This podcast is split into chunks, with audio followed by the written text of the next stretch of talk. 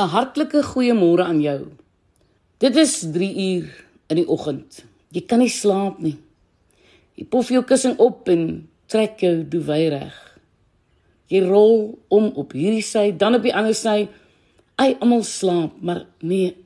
Nee, jy kry nie geslaap nie. Die gedagtes woed deur jou kop soos 'n tornado oor 'n vlakte.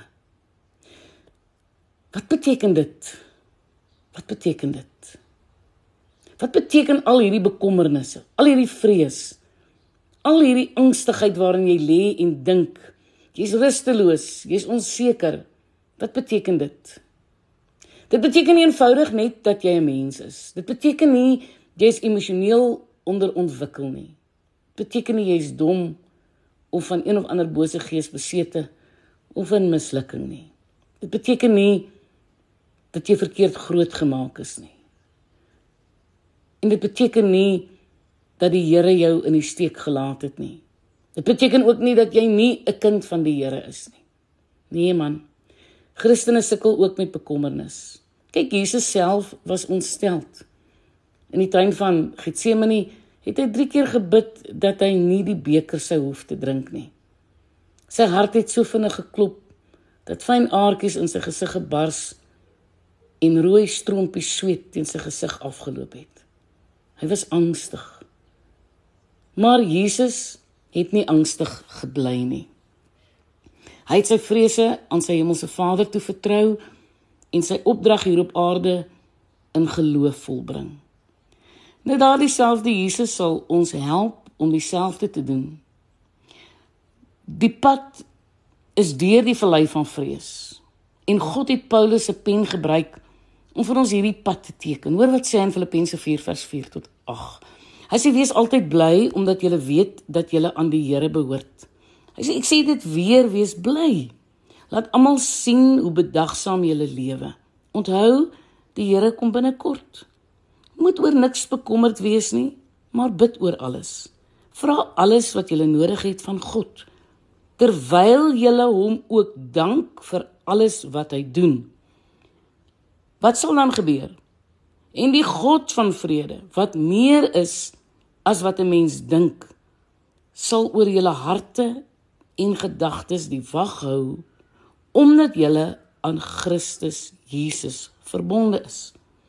Ten slotte broers en susters, vul julle gedagtes met alles wat waar, eerbaar, skoon, suiwer, lieflik en lofwaardig is. Ek deel met jou 'n gedeelte oor 'n koning en sy volk wat so bang was dat hulle soos bome in 'n stormwind gebewe het van vrees. Jesaja 7 vers 2. Dit klink of hulle in 'n hele boord angsbome gesit het. God God het hierdie boodskap vir Jesaja gegee. Sê vir hom, dis nou vir Agas. Hy moet versigtig wees en kalm bly en nie bang word nie. Die boom, die angsboom is egter nie die enigste soort boom in hierdie boord nie. Daar is 'n beter opsie, die kalmteboom. Dit is 'n stewige, skaduryke boom met baie plek vir jou om te gaan sit. Nou kom ons kom ons kyk hoe jy hierdie boom kan geniet. Begin by God. Vier God se goedheid. Wees altyd bly omdat jy weet. Wat weet ons? Dat ons aan die Here behoort.